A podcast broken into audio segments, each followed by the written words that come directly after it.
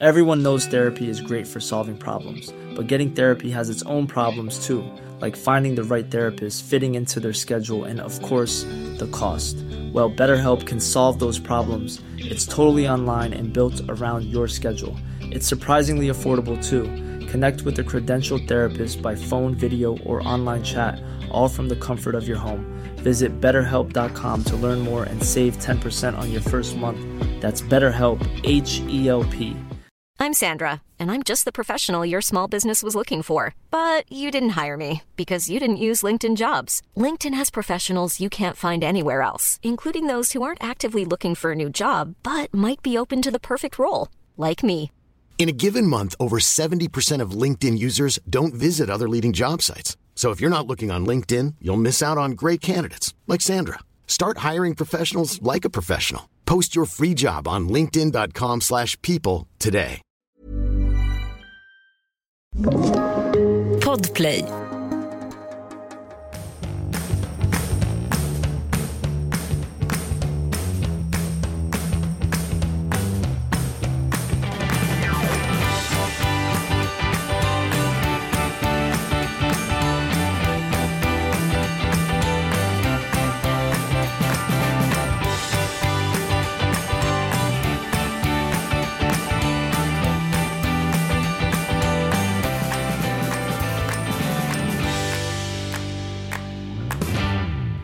Och välkomna till Lille Lördag. Är det dig jag ska kalla för Coronan? Ja, kanske om några dagar. Det är inte svart på vitt, man vågar ju inte uttala sig då kanske Smittskyddsmyndigheten knackar på dörren. Oh, det är Folkhälsomyndigheten nu för tiden. Så det inte blir fel i lingot. Ja, ja, ja. ja. Oj, oj, oj. Men, men, men nu känner jag lite så här, äh, nu när man ändå eh, har snorat loss här eh, liksom, i några dagar, då kan man ju hemskt, hemskt, hemskt gärna ha fått ha det. Gud ja. För att det, det är lite som så här, alla lever i något Peter Vargen-samhälle. Så här, kan det vara det nu? Är det nu jag får det? Eh, ska vi åka dit så kanske vi får det. Alltså, jag, undrar vad människan ska göra när det här lugnar ner sig lite. Vi kommer ju inte ha någon identitet. Vi kommer ju vara helt blanka. Äh, vi reder oss nog, det har vi ju alltid gjort. Det är väl värre med liksom världen generellt. Alltså det är så... Den här liksom, den, alltså när man förstår att så här, dystopin inte längre är en dystopi utan det är en realitet. När man förstår Ja, ja. att vi kanske är liksom den sista generationen människa som kommer vandra på den här planeten. Det är ändå så jävla mörkt. Eller är vi dramatiska bara? Ja, jag vet inte. Efter att DN häromdagen ägnade liksom, ja, hela sin tidning åt David Attenborough och Greta och eh, dystopiska framtidsplaner så är det lite så här att det, jag tror bara att det är så jävla svårt för människan att så här, greppa att om vi inte gör någonting så här, om vi inte bara typ stänger av alla jävla fabriker, eh, bilar, utsläpp, bla bla, då kommer den här jorden typ men inte finnas om några hundra år. Alltså, det, det, Nej, och det är så svårt tycker jag att Mm. motivera för barnen. Så här, Åh, gå ut, skaffa familj, bli... Alltså jag inte ens, jag känner så här, kommer vi ens bli mormor? nu, var, det- nu var det så svart så att jag var tvungen att kolla lite Ja, på Dianas eh, lila klänning. Åh, oh, Ann, Ann, äntligen har du tagit dig an the crown. Ja, vi, ska väl inte avfärda det där med, med eh, dystopi, men jag känner lite så här... Ska vi... Eskapismen Ja, i royalismen, ja, den, den är ändå liksom... Det, Låt det är, som, det är som glasyren på tårtan. Ja. Det är så här, vad som helst kan gömma sig bakom den där glasyren. För den, så länge den är perfekt eh, liksom, utförd så, så kan det se ut som vilket bakverk som helst. Men jag tycker det är intressant det här med The Crown, för det är lite som med, med J. Lows rumpa eh, som upprör vissa. Så här, den är inte på riktigt. Är det sant att en 51-årig kvinna kan se ut så där? Och säger så här, ja, men det är ju fiction. Det är, liksom, det är ett skådespel för att, för liksom, ja men i J. Fall handlar handlar det om att hon inte kan sjunga särskilt bra. Eller skådespela, då måste man ju på något sätt eh, ja, men keep famous på något annat sätt. Men i det här fallet handlar det om att... Det där var det värsta jag hört. nej, det var det värsta nej. jag hört. Nej, hon kanske inte kan sjunga bäst, men hon dansar ju otroligt bra. Jag med! Och vadå, halva, halva idén med performance handlar, är väl liksom en 50-50 vara liksom. Nej, men- Det är ju ytterst få som skårar full pott på allt. Ja, det skulle kanske vara Beyoncé då. Ja, hon ligger väl ändå vä- väldigt långt fram på just den scoren. Men, men det som är med... Eh, vad ska man säga? Lady Gaga sjunger fantastiskt med dansa som en kratta. Ja. Men det går bra ändå. Alltså så uppenbarligen så har du någon av komponenterna som funkar eh, good enough. Ja, helt men det jag menar är att det är inte så att jag tittar på J Los kropp och känner så här, nu känner jag mig ful och tjock och sladdrig, utan jag känner mer så här, way to go. Fan, man kanske ska ta tag i det där nu och liksom, ja, piffa till sig lite. Sen så kanske man inte behöver just henne som mål eftersom det är det hon gör dygnet runt hela Eh, sitt liv. jo. Jo, det är det enda jag har Ja, som mål. jag- Att alltid se ut som J Lo. Då kommer jag få spruta in så mycket, eh, vad det nu är de sprutar in, så att jag, kommer inte få göra annat. Du kommer få Men hon sprutar inte in någonting. Hon har en typisk latinarumpa som hon har bara maintained Ja. och keepat, tränat liksom. Ja, men- Kim Kardashian däremot, hon, hennes rumpa är ju de facto ett, ett liksom Brazilian buttlift med lite allt möjligt insprutat i. Den är ju en fiktion. Liksom. Ja. Den passar, det är som en attrapp man har satt på hennes kropp. J.Los rumpa är trots allt en del av hennes kropp.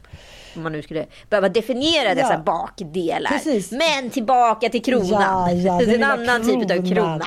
Nej, men, men den här är ju, eh, som du påpekade för mig också, den, den dyraste serien i brittisk tv-historia och också eh, den mest sedda, vågar jag nästan påstå. Alltså över hela världen. Ja. Folk har blivit förförda och särskilt just nu tror jag när vi sitter här hemma bland snoriga ungar, kuddar och eh, sura äkta män, på säga, så är det här ju en, en, en flykt. En lyxflykt utan dess like. Och det, det hjälper ju, ska jag säga. Det hjälper ju. Utan tvekan. Däremot, jag är ju väldigt så här splittrad till det, the British Empire. Ja. Eh, det, de har ju liksom, det de har gjort då för att skapa det här imperiet det är att de har åkt till alla liksom, numera u-länder och sugit ut det som potentiellt funnits som rikedom i dem. Sen plockat hem det till the crown. och så har man skapat ett imperie. Det är ju inte svinsvårt per definition med tanke på att åka till liksom Zulu och ha med sig armborst istället för istället för en pilbåge. Det blir inte en jämn fight om man säger så. Nej, men men eh, eh, jag vet inte. Det är också så att det, det det börjar ju... Skandal utropar ju många nu då att eh, prins Philip då framstår som att han är någon maffiasnubbe. Jag är så kär i prins Philip så att jag... Att jag kan... Men prins Ah, Philip ah. är ju en, ett supersvin i verkligheten. Det vet vi alla om. Vi vet ju också om, det tycker jag i och för sig de var väldigt tydliga med i första säsongen av The Crown, att han är ju eh, en eh, renhårig rasist. Du menar han ber inte om ursäkt på det sättet? Nej, nej, nej, nej. Det honom tar man inte med till, till liksom Sydafrika på, Han får på några hemma. artiga möten mellan stammarna. Nej, nej, nej, han får vara hemma. Ja. men, men jag har liksom trott att han har varit en sån mes. Men, men det är klart att jag förstår att allt är liksom... Jag menar att alla, det är som i alla tv-serier och alla böcker, att man måste så här hårdra. Alla, annars blir det bara en jämn sörja. Men eh, han, eh, jag tycker ändå att han är, han är en härlig, sexig man, framställer han som.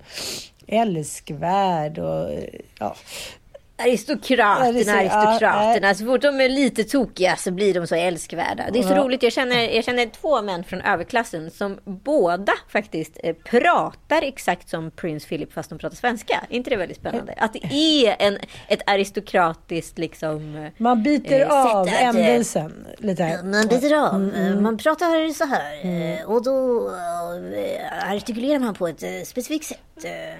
Ja. Men om man pratar så brittiska så vidare. kan man ju prata sådär. Men i Sverige blir det ju, tycker jag, bara lite uppblåst. Eh, Lite uppblåst, Ja. extremt uppblåst. Men det är ändå väldigt fascinerande. Men, men det här är lite roligt, för jag är ju inne på slutet av säsong tre. Jag har ju inte ens gett mig in i eh, det glamorösa Va? 80-talet. Nej, vänta, vänta, vad det. säger du nu? Du alltså bara jump-kattade inte direkt in i säsong fyra och såg liksom den kittlande, nerv, nervrakande säsongen när faktiskt The British Empire har fått en knuff. I rätt riktning. Lady Diana Spencer? Nej, det har jag inte. Nej, men det, är lite som att jag tänker förstår lite, man vill suga på karamellen eftersom det här är nu, man får ju fånga de här irrblossen i mörkret just nu som man inte vet när, när lampan ska tändas.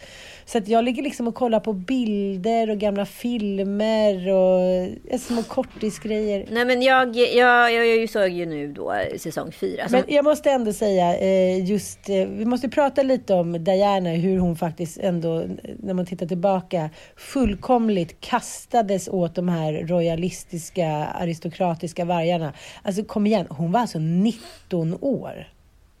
Hon var 19 år, Charles var 32. Eh, ja, jag vet inte, när jag var 19 år så liksom, ju... förlåt, då hade jag precis eh, varit på Roskilde. Jag hade verkligen inte hittat mig själv på något sätt. Nej. Jag skulle eventuellt flytta till Stockholm, hade inte riktigt bestämt mig än. Jag hade ju väl precis slutat gymnasiet, det var ju något mellanår där det inte liksom riktigt hade funkat med någonting åt något håll och var liksom ganska trött på livet i, sto i stort sett. Ja. Det gamla livet. För, för, för, stor för skolan men för liten för vuxenvärlden. Ja, ja. Och då kastas in i den här liksom väldigt så här, penalistiska eh, atmosfären som den här aristokratin är. Är ju väldigt spännande. Men ja, papp, papp, papp, jag kollade på dokumentären om Diana som liksom den här senaste säsongen utav The Crown faktiskt är väldigt mycket byggd på. Det är en intervju som hon gjorde med sin bästa kompis tillika journalist.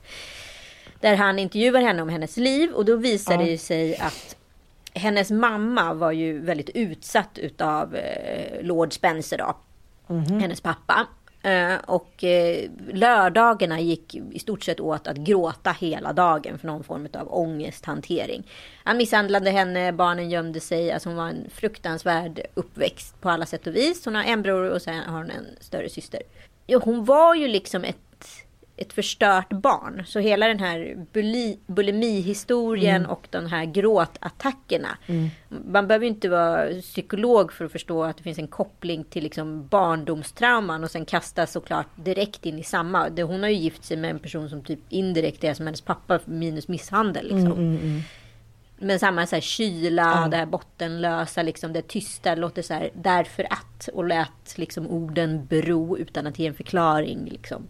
Mm. Eh, hade hon haft någon som hade så varit där, fångat upp henne. Bara ge henne en jävla hovdam, en väninna. Men det ja. verkar ju inte funnits någonting.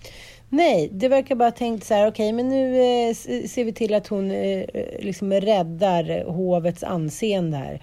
Och vad jag har förstått och läst i en intervju så försökte ju prins Charles redan när hon var 16 eh, bjuda med henne till eh, The Royal Castle. Hon var så här, nej, nej, det, det, det, går faktiskt inte. Han bara, nej, okej. Hon sa att det skulle bli lite svårt att förklara vad jag gjorde där.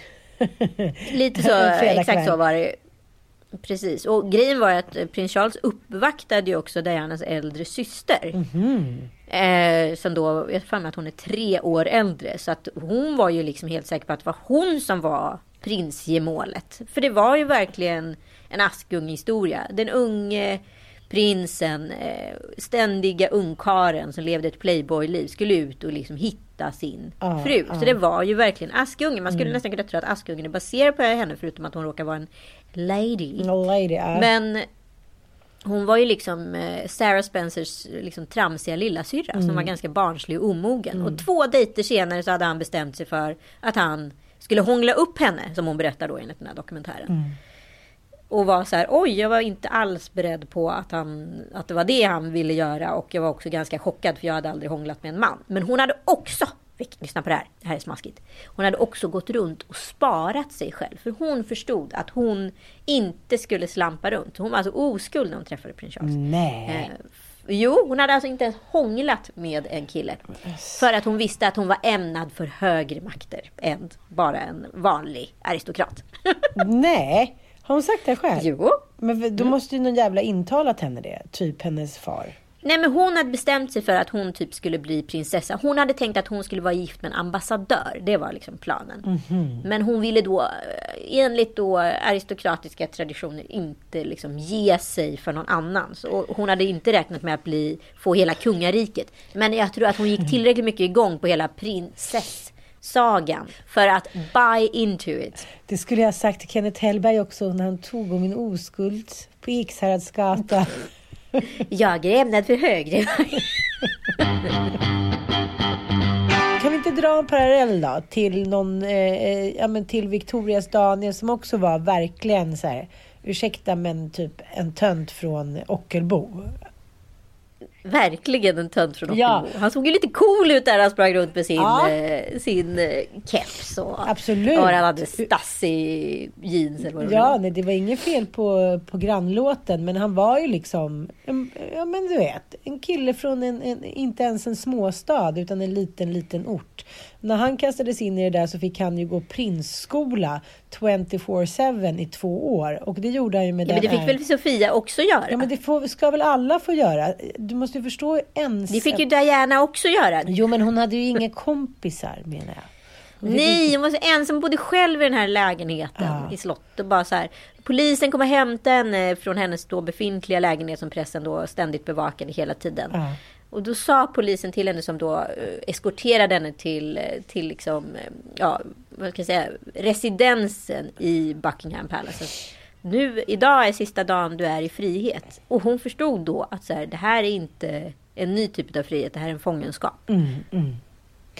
Och sen jag tycker det är så... Eh, det är ändå så otroligt fascinerande hur mycket hon hann göra. Trots att eh, hon blev ju bara 36 år. Visst vart hon det? Det är liksom helt... Jag kan bli helt besatt av att sitta och kolla på så gamla små filmer med henne och barnen. Och hon hade en otrolig värme i hela sin aura tycker jag. Och jag vet inte, det, det, det är någonting med 80-talet. Det är liksom... Om man jämför 70-talet... Ja, men de bodde ju inte ens ihop. Nej. Han bodde ju ute på sitt eget ställe och hon bodde liksom med prinsarna. Och sen så fick de hälsa på, hade någon sån här courtesy-besök hos sin pappa typ en gång i veckan. Där har ju Harry berättat i intervjuer. Är det inte bara du som tittar på massa Nej. dokumentärer uppenbarligen? Du och jag. Det här är sånt vi inte har pratat om. Vi är Svensk Damtidning. Ja, men jag älskar Svensk Damtidning. Det, Jag med. Men, men det är så här, jag tycker det är så jävla roligt också med här hur man, hur man får en vanföreställning om hur saker och ting är och hur man själv är. Det är ju väldigt roligt när de har spelat in den här dokumentär, dokumentären om sig själva och de ska försöka spela vanliga. Sitta och titta på TV, kan ni försöka säga något till varandra? Alltså det är liksom helt omöjligt. De är så... De är som liksom... De är som högdjur på guldbete. De, och så ska de säga, men vi ska bara visa att vi var som alla andra. Ja, mm, Kanoners, kanoners. Eh, Ja, men de gjorde ju hela den där grejen för ett välgörenhetsprojekt som hon drev. Liksom. Eh, Så han ställde upp på det här för hennes skull. Han tyckte att det här var ju liksom way under his liksom, aristokratiska standard att gå med på något sånt här. Men han gjorde det för hennes skull. Sen så förstår man ju också så här, nu, nu, nu verkligen inte pro honom på något sätt, men de var ju så extremt olika och jag tror så att ska man vara liksom på riktigt, ska man vara en lycklig royalist, då ska man vara infödd i den där skiten och Ja. köpa hela premissen. Kommer man utifrån och kommer in, Nej. då blir det något annat. Liksom. Svårt alltså.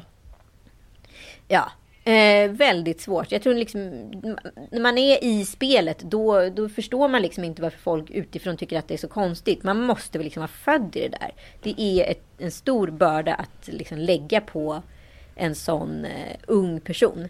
Och eh, som jag förstått då enligt eh, drottningen så skyller hon hela liksom misslyckandet i äktenskapet på Dianas bulimi.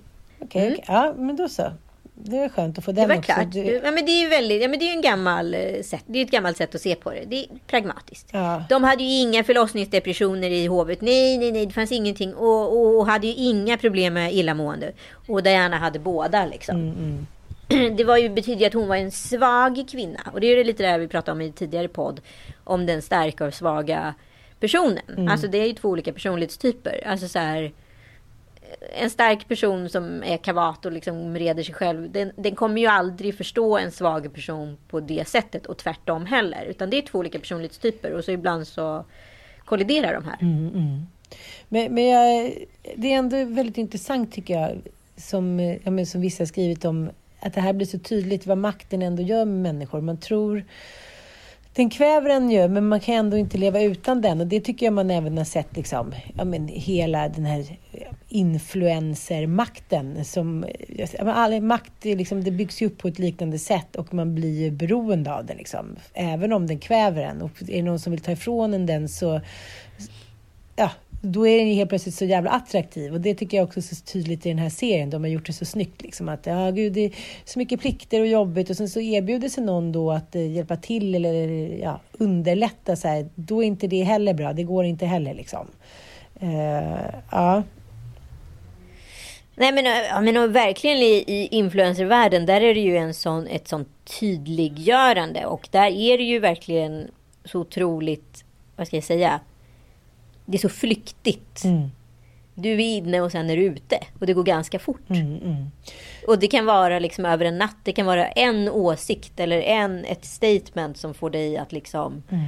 eh, flyga iväg. Och sen är du spokesperson för en hel organisation. Och sen är du det här och sen är du det här och sen är du det här. Ja, och så gör du ett litet klavertramp eller säger en dum sak eller whatever it is. Och sen så är du nere på botten igen. Mm, Tjoff! Mm. Åker man in, åker man ut. Det är därför det som är så konstigt, det som är liksom vad ska jag säga, royalisternas skydd, det är ju liksom kronan och arvet. Mm.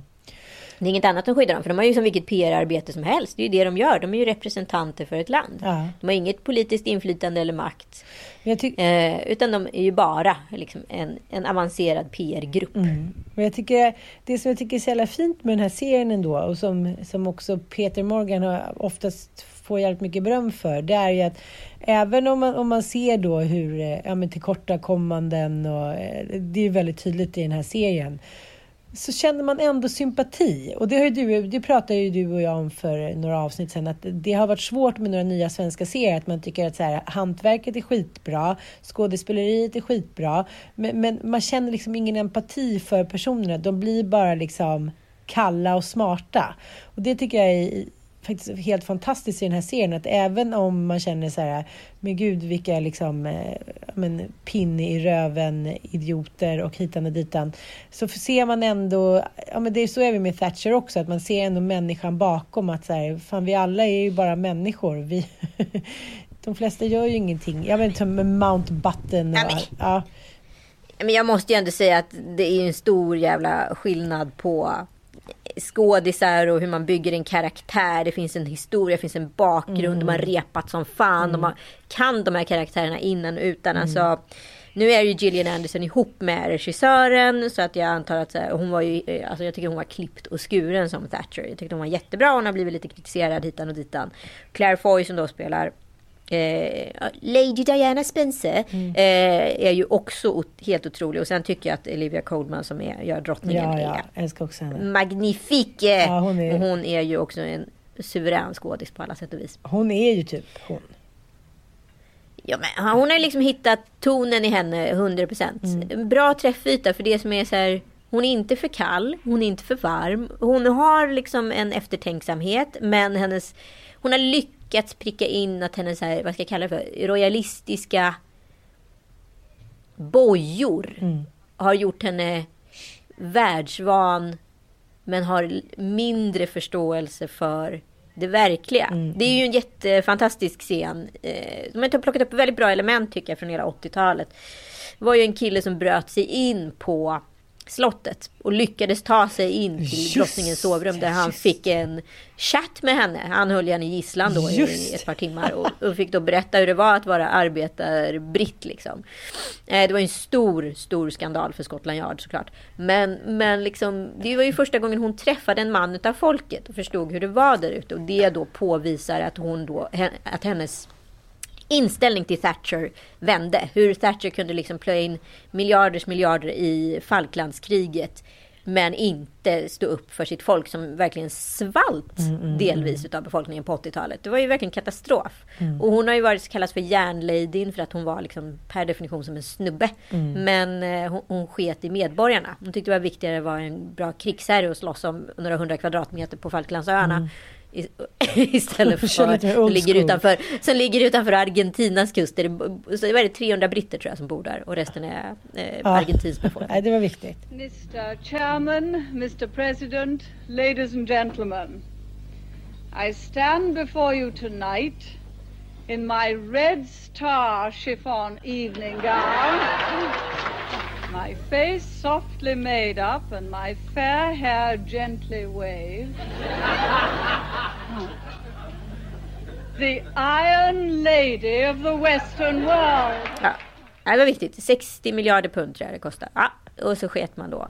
Eh, arbetslösheten i England hade aldrig varit större, högre. Nej. Det var 10,6 procent. Nej, där är det verkligen så här, lads, där är det verkligen en klassisk arbetarklass som vi kanske inte haft på samma sätt här i Sverige. Nej, och det var ju liksom upprinnelsen egentligen till punken eh, i England. Alltså hela den, det var ju liksom God Save the Queen, Ja. alltså hela Thatcher-hånet, allting startade ju där liksom i punklandskapet. Kan vi få in lite Sex Pistols här? Och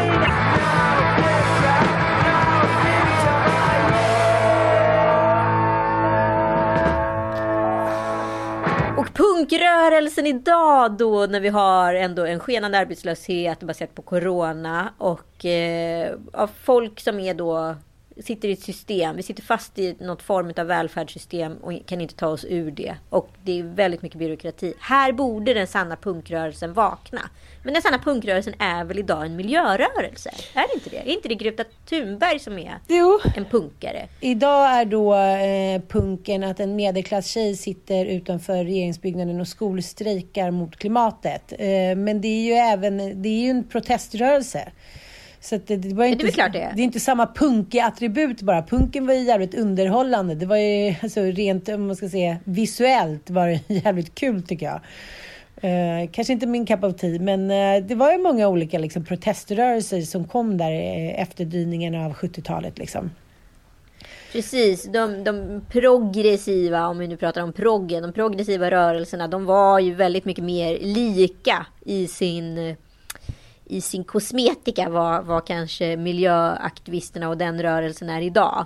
Eh, men här, det jag tycker är så intressant i och med att samt, alltså, en motrörelse ska ju alltid göra revolt mot sin samtid. Och det punken gjorde då, det var ju liksom, i alla fall i England, det var ju att göra en revolt mot konventionen.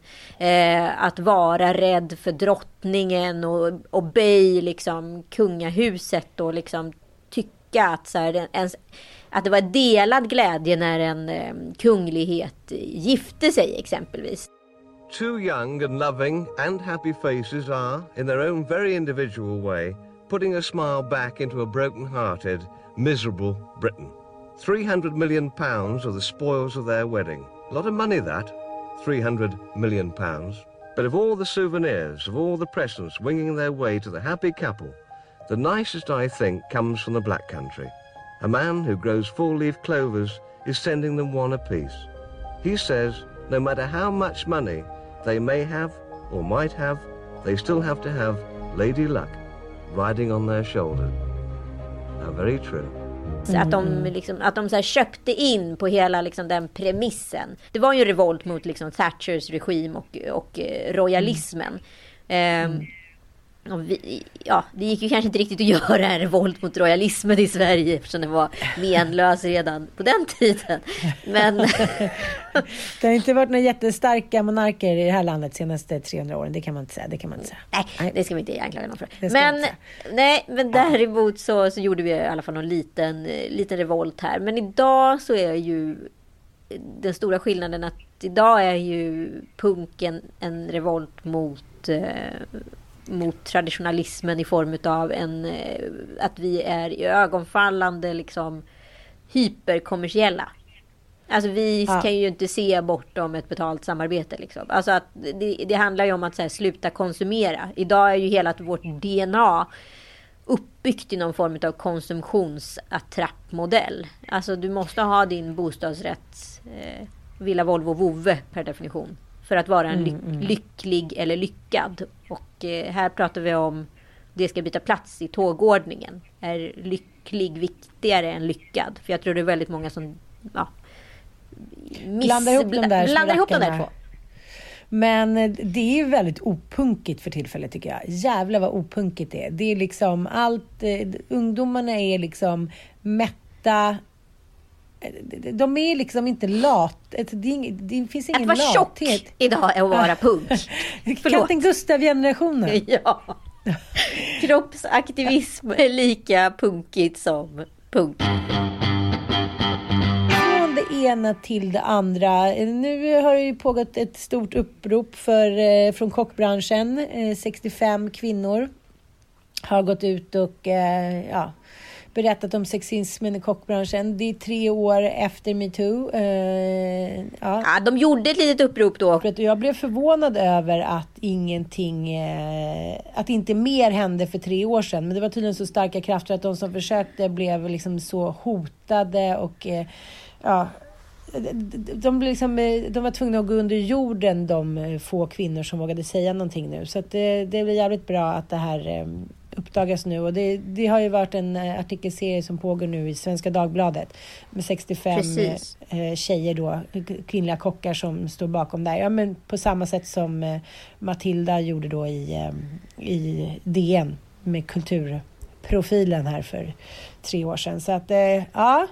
Men det vet man mm. själv. Jag vet inte om du har jobbat i krogbranschen. Jag har ju jobbat där väldigt blygsamt. Eh, men jargongen, eh, liksom då, liksom nu, har ju varit väldigt ja, men macho och eh, lilla gumman och eh, tafseri, tafsera. Men jag vet inte. Jag tycker krogbranschen äcklig bransch och just för att man liksom är så värnlös och skyddslös så har det ju varit så, så himla svårt att stå upp för sig själv. Då har man ju liksom dels kanske inte fått någon dricks som man inte har spelat med i kladdet och dels har man blivit av med jobbet liksom. Så det har bara varit att spela med för jävligt. Så bra att det här händer nu. Precis, och jag läser på en studie här som skrevs 2017 utav Edvin Wallmo på eh, Umeå universitet. Stjärnkockar och sillhoror, en kvalitativ studie om maskulinitetskulturen inom kockyrket. Och enligt hans studie då så är bakgrunden till den här eh, grejen är att det liksom, formandet av kockyrket är ett, eh, liksom ett manligt yrke. Alltså det är lite som att vara någon form av hantverkare. Mm. Matlagning har traditionellt sett som ett kvinnlig syssla och varit mm. kopplat till familjeomhändertagande och i det privata. Däremot har mannen som lagat mat offentligt sedan forntida samhället, till exempel egyptiska präster, tagit hand om köttet från djur och så vidare. Det har liksom ansetts som eh, någonting en man måste göra till kungligheter och varit högt ansett. Mm. Eh, och eh, ja, det har formats en kultur därefter som är extremt macho, precis som på byggarbetsplatser och så vidare. Och eh, den här macho-genen har ju liksom genomsyrat hela branschen. Alltså alla som har lite koll på restaurangbranschen vet att kockyrket det är både förenat med liksom kola och, och mm. gränslöshet. Liksom. Eh, så att ja, det är ju inte konstigt att det här upproret kommer 2020. Det kan vi inte tycka är häpnadsväckande på något sätt. Nej, det tog lång tid. Många som har råkat illa ut igen. Och jag, jag, tänker så här att det känns som att vi har vilat lite på våra lagar nu. Att det är så här, nu har metoo varit och nu är allting bra. Lite den känslan har jag fått liksom, ja, men senaste halvåret och så är det ju verkligen inte. Det är inte så här att eh, att liksom arslen helt så här, utrotas, elimineras. Eh, så, som har funnits i så många hundra år i den här branschen kommer så här, utrotas över, liksom, ja, över en natt. Så är det ju inte. Utan unkna, unkna värderingar måste ut. Och det här uppropet startades ju då efter att den, ja, stjärnkrögaren då på den här fina Stockholmskrogen då visade sig ha då sextrakasserat och fortsatt göra det efter metoo. Så att eh, ja, you go girls, det enda jag kan säga. evigt pågående varje dag att vara kvinna. Men eh, ja, vi jobbar på. Vi jobbar på. Jobbar på, jobbar på.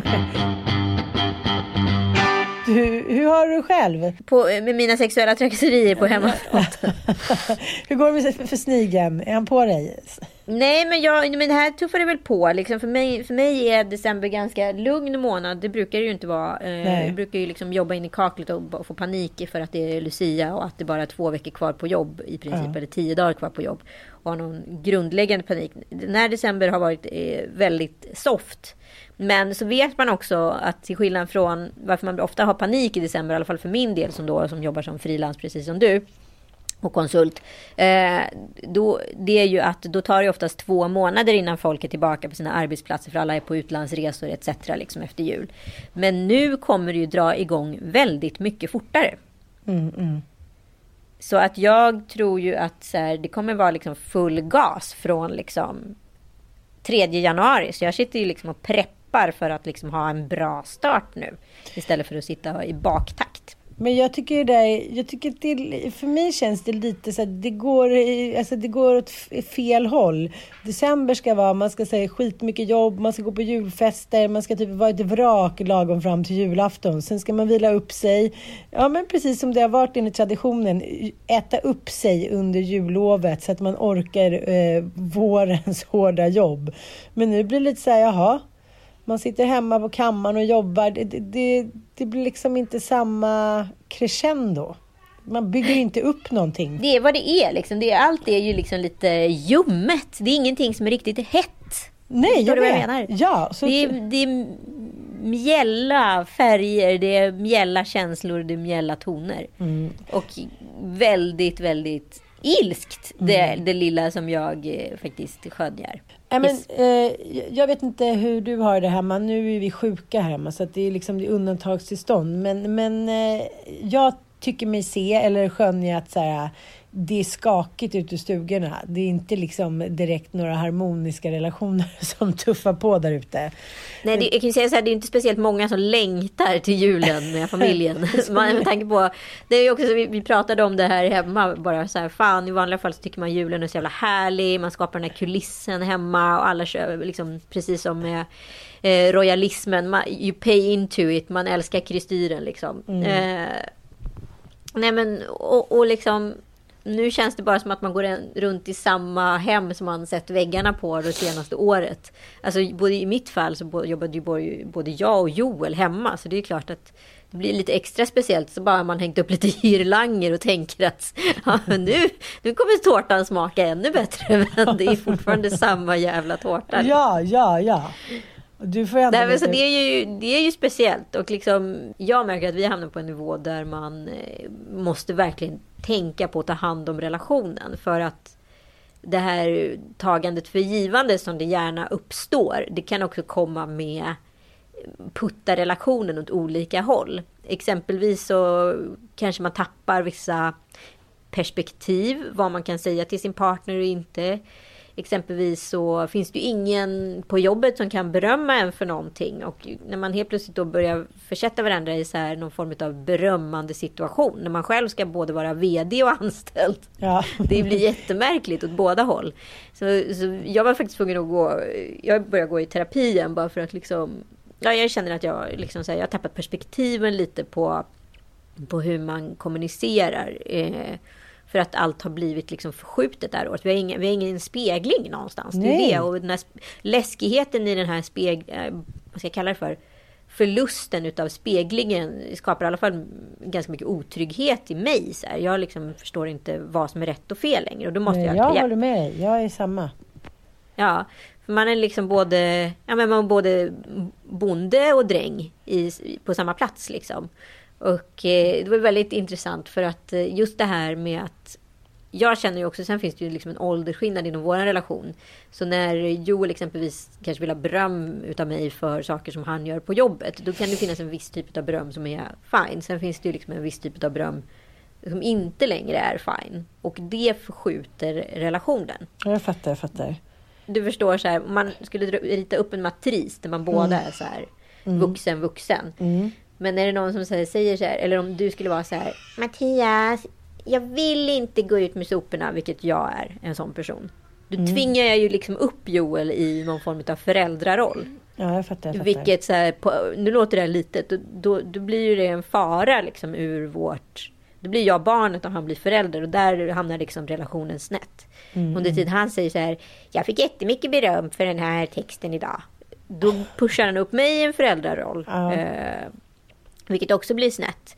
Så att så här, man får akta sig för att både gå i barndom eller gå in i föråldraroll. Man måste försöka hålla den här, liksom, eh, vad ska jag säga, vuxna relevansen med varandra. Mm. Men jag tänker så här, det där är ju återkommande tema både i krönikor och på tjejmiddagar. Just det här att tjejer ofta är så missnöjda med att deras snubbar inte kan vara liksom allt i ett på något sätt. Samtalspartner, lovers, fäder, försörjare, eh, sportpolare. Att det går liksom inte att man får, ja, det låter som en klyscha, men att man får tänka så här. Det som man, ja, det som man inte tycker att, att liksom snubben eh, är särskilt skicklig på, det får man ta igen någon annanstans. Och det där är så här återkommande. Hur höga krav ska man ställa för att man ska tycka att relationen ja, men liksom ändå har en höjd som man är nöjd med? Både, liksom, ja, både känslomässigt och kanske på den intellektuella sidan. Och det där tvistar man ju om, eh, särskilt men i olika relationer men också olika tidpunkter i livet. Just nu känns det ju som att man inte får ställa ett enda jävla krav överhuvudtaget förutom att så här, överleva sörjan. Precis, och liksom den här överlevnadsstrategin den, den funkar ju liksom. Det är ju lite som vi pratade om för någon podd sen att så här, ja, vi fick en handbok i liksom när krisen kommer, men det var ingen som förberedde en på liksom, vad som relationsmässigt händer under en pandemi. Nej, nej. För det är inte, det är inte samma typ av kris som är liksom så... Den är väldigt abstrakt, den krisen. Mm, mm. Så här, vad betyder det? Tristessen är ju den största krisen, skulle jag säga. Det, den kan ju äventyra allt. Jo, men jag läste någon sån ny eh, rapport, eller man ska säga, en studie från Kansas University. Att eh, ja, men de, liksom alla, nästan alla som lever tillsammans med någon, ja, sambo eller gift eller har familj har fått eh, sjukt mycket sämre sexliv. Medan de som eh, ja, kanske är singlar eller ute på nätet har kanske hittat andra vägar för att liksom ja, snuska till det om man säger så. Sexting och allt sånt där. Men, eh, och då var det någon tjej som hade skrivit så här, ja men kanske inte världens bästa införsäljning. Man går hemma i mjukisbrallor, lite lönnfet för man har inte orkat gå ut och träna. Eh, en snubbe sitter liksom mitt emot och skriker på något Zoom-möte. Det är inte så här det mest attraktiva liksom, eh, ja, tillfället. Men, men, samtidigt så är det lite som min kompis sa till mig häromdagen. Men vad fan, nu är man ju hemma här eh, på dagarna själva. Då kunde man väl ägna lite tiden lite till att pippa. Så att det, det blir väldigt så här, det, man, det blir aldrig riktigt som man har tänkt sig, hur det än blir. Liksom. När man äntligen har lite tid över så, så blir det inte rätt ändå. Människan måste ha liksom sina rutiner. Ja, så att nej, nej det måste jag säga. Så det, det, i alla fall, det kan man trösta sig med att, att sexlivet och, eh, och relationerna de, de har blivit sämre även i Amerika. Så nu ska jag gå ut här och titta på haveriet i vardagsrummet. Eh, Vet du, igår städade jag mitt vardagsrum 13 gånger. Jag trodde på riktigt att jag skulle bli galen. Nej, men jag vet. Det är måndag hela veckan just nu och man får väl bara tugga i sig det. Fast eh, det går upp och ner. Det är lite som, eh, det är lite som att åka den här Balder. Nej, men och, och i mina vanliga december när jag levde med Kalle, då åkte vi över dagen ofta då till Paris. Vi tog alltså sex flighter dit för att åka hem sex på kvällen. Så behövde man bara barnvakt i ett par timmar. Och förträffligt trevligt tyckte vi. Haha, så vi. Höga på livet. Där och då förstår man ju inte vilken galenskap det är. Men idag när jag hör det så låter det som att jag pratar om en historia som utspelades liksom på 90-talet eller på 70-talet. Mm. Men det här var alltså ungefär fyra år sedan det hände sist. Mm. Fem kanske. Det var precis innan Greta dök upp. Ja, nej men alltså det är så sjukt. Alltså, man får ju ändå vara glad att det går på något sätt åt rätt håll. Sen vet vi inte om det är för sent ändå. Men skit i det! Vi hörs om en vecka. Puss och kram! ja.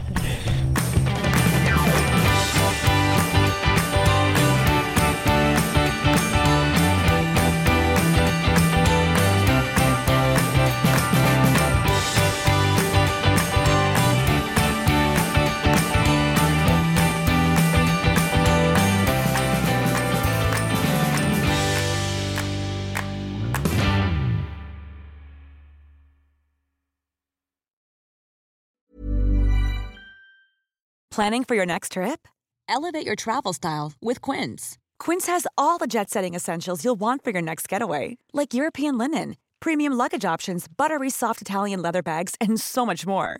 And is all priced at 50 to 80% less than similar brands. Plus, Quince only works with factories that use safe and ethical manufacturing practices. Pack your bags with high-quality essentials you'll be wearing for vacations to come with Quince. Go to quince.com/pack for free shipping and 365-day returns.